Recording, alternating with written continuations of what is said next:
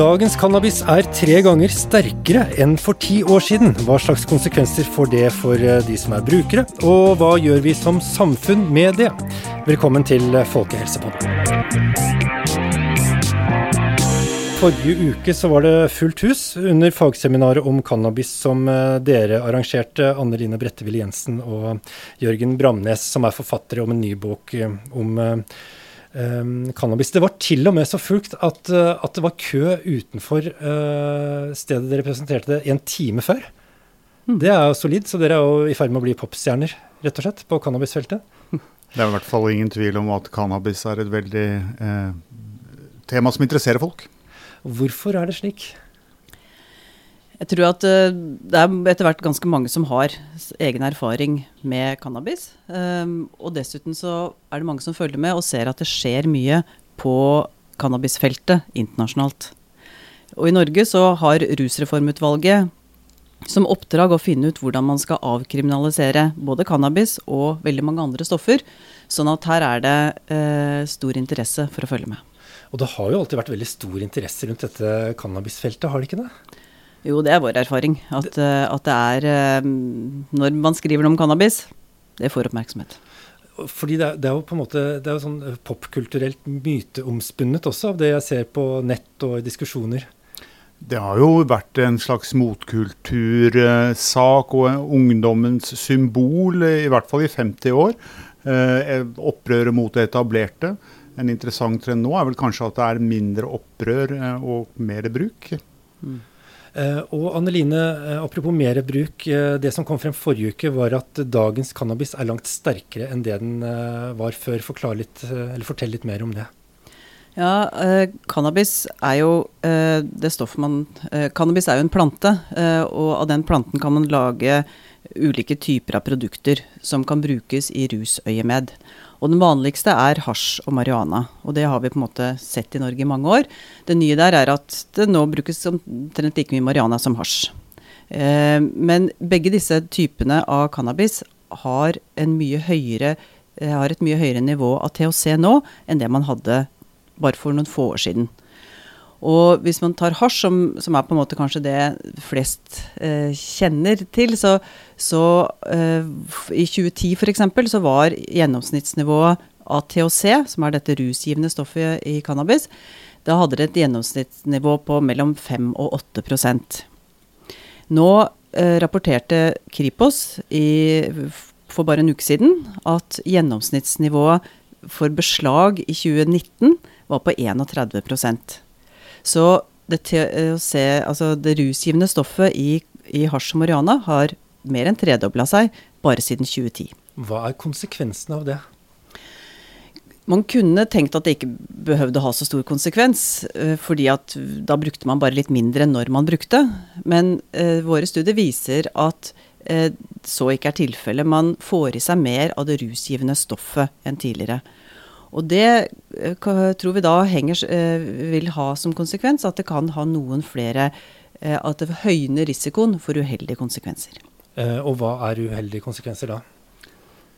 Det er jo slik at Sett over tid, så må jeg kanskje si det, så har vi kanskje overdrevet noen av de negative helsekonsekvensene relatert til cannabisbruk. Hvis man går 50 år tilbake f.eks., så, så, så var det nærmest som eh, sammenlignbart med døden og har prøvd cannabis. Og det var det jo mange som prøvde cannabis som så ikke var tilfellet. På en måte så var den offentlige debatten rundt cannabis veldig fjern fra den virkeligheten som folk opplevde sjøl på kroppen når de brukte det. Du gikk rett fra cannabis og til uh, å være sprøytenarkoman? Ja, det, det var én skjebne. Eller altså at cannabis bare i seg selv kunne føre til forferdelige ting som, som, uh, som bare fantasien satte grenser for. Så vi har nok et mer fornuftig forståelse av hvor farlig cannabis er i dag. At mange kan bruke cannabis uten å oppleve problemer. Men det er slik at cannabis øker risikoen for en del helseproblemer. Og det har vi etter hvert veldig solid forskning som støtter opp. Enten det er eh, somatiske helseproblemer, altså fysiske ting, eller det er psykiske helseproblemer. Mm. Ja, og, Hva tenker du da, Jørgen, om hva som kan være konsekvensen av at, uh, at dette stoffet, da, virkestoffet THC er, eh, er tredoblet de siste ti årene? Vi tenker, og det har vi også publisert vitenskapelig på, at, at, eh, at, helsekonsekvensene blir større i negativ retning når man får sterkere cannabis. Man, som Anneline sa, man kunne tenke seg at folk liksom da inntok litt mindre når det var sterkere stoffer, slik man ville innta mindre sprit enn vin f.eks. Men sånn er det ikke.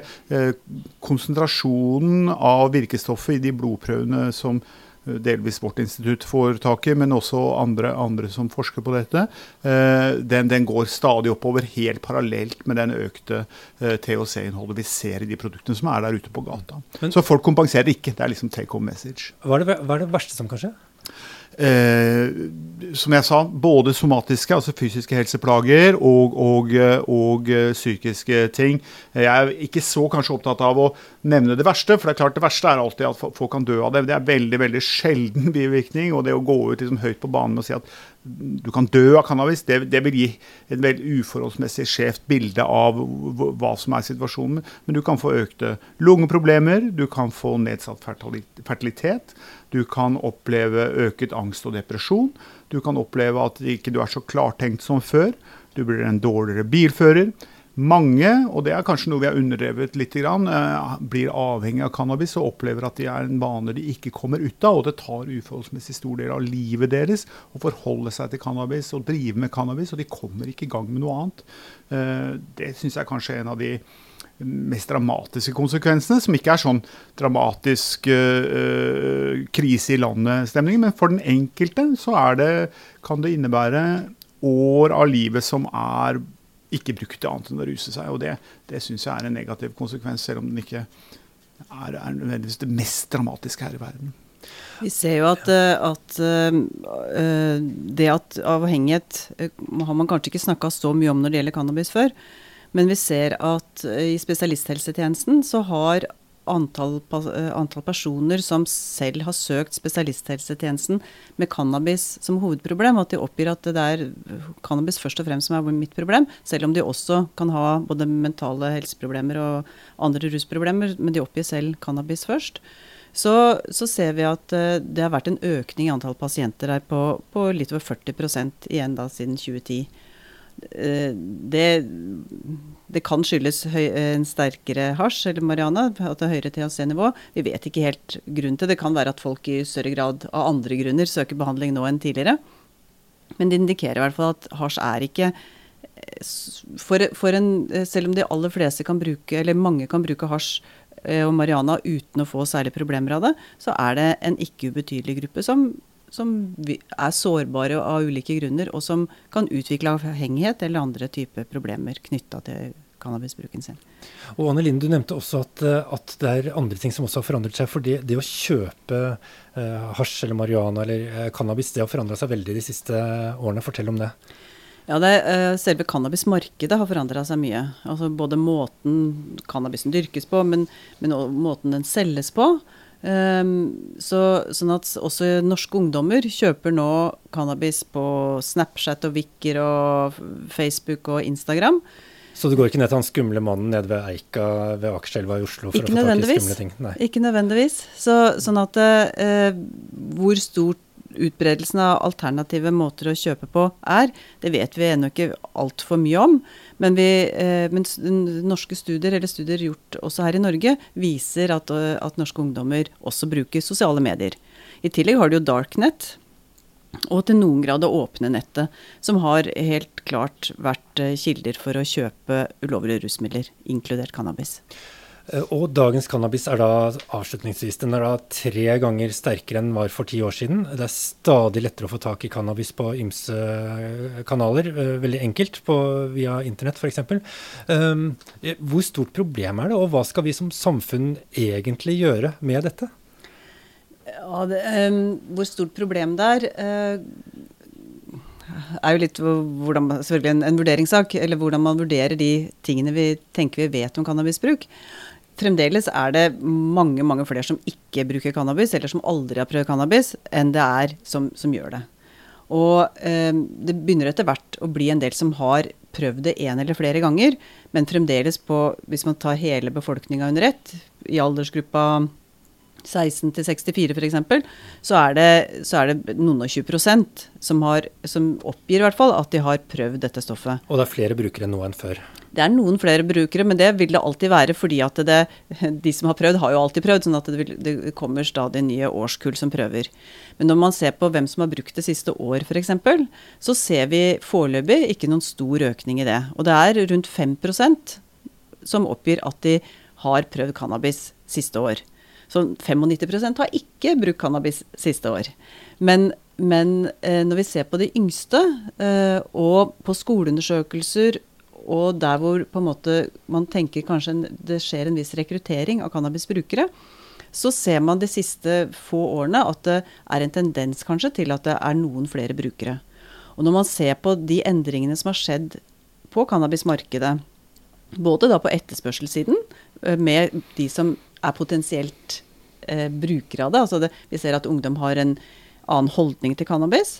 Eh, de, de ser på det som mindre risikofylt enn før. Um, og når vi ser på selgersiden med, som du nevnte, flere, eh, flere, måter å kjøpe det på, flere cannabisprodukter, det er sterkere. Det er også blitt veldig mye billigere. Altså Siden 2010 så har prisen på cannabis falt med 65% hvis du tar, i, tar, hensyn til nettopp denne sterkere cannabisen.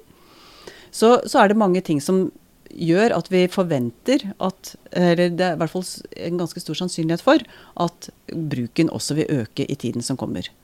Men hvor problematisk en eventuell økning i bruken er, vil jo avhenge av hvem det er som begynner å bruke. Hvis det er middelaldrende kvinner og menn som tar seg én joint istedenfor en flaske rødvin på en fredagskveld, så er det kanskje mindre problematisk enn om det er 15-åringen eller 16-åringen som begynner å, å, bruke det. For det forskning ganske entydig viser, er at jo tidligere og jo mer man bruker, jo mer risiko er forbundet med det. Så, så, så ja, det vi, vi, tror kanskje at det kommer en økning. Eh, men hvor problematisk den er, og det, det vet vi foreløpig ikke. Hva bør samfunnet gjøre med denne utviklingen? Har dere det råd, eller er det utenfor godt, deres Det er et godt politisk rolle? spørsmål, vil jeg si. Uh, vi har vel vært opptatt av, og det reflekteres i denne boken, her, å forsøke å gi noe faktagrunnlag inn i en dilemmapreget og vanskelig politisk debatt som eh, ikke det er eh, som det er mye høylytt eh, snakk rundt. Men det er ikke mange politikere, altså de som skal bestemme i samfunnet vårt, som, som kanskje har tatt denne ballen opp veldig. Men jeg syns vel at det ligger noen politiske beslutninger her. Og det blir interessant å følge, følge, utviklingen, og det er vel først og fremst det vi gjør, framfor å mene så mye om den, etter at nå Rusreformutvalget leverer sin innstilling på slutten av dette året. Takk til dere, Anne Line Brettevill Jensen og Jørgen Bramnes. Og her i Folkehelsepodden sto ellers Kjetil Berg Veire.